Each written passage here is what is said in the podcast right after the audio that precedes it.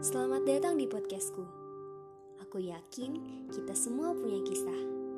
Dan ini kisahku untukmu.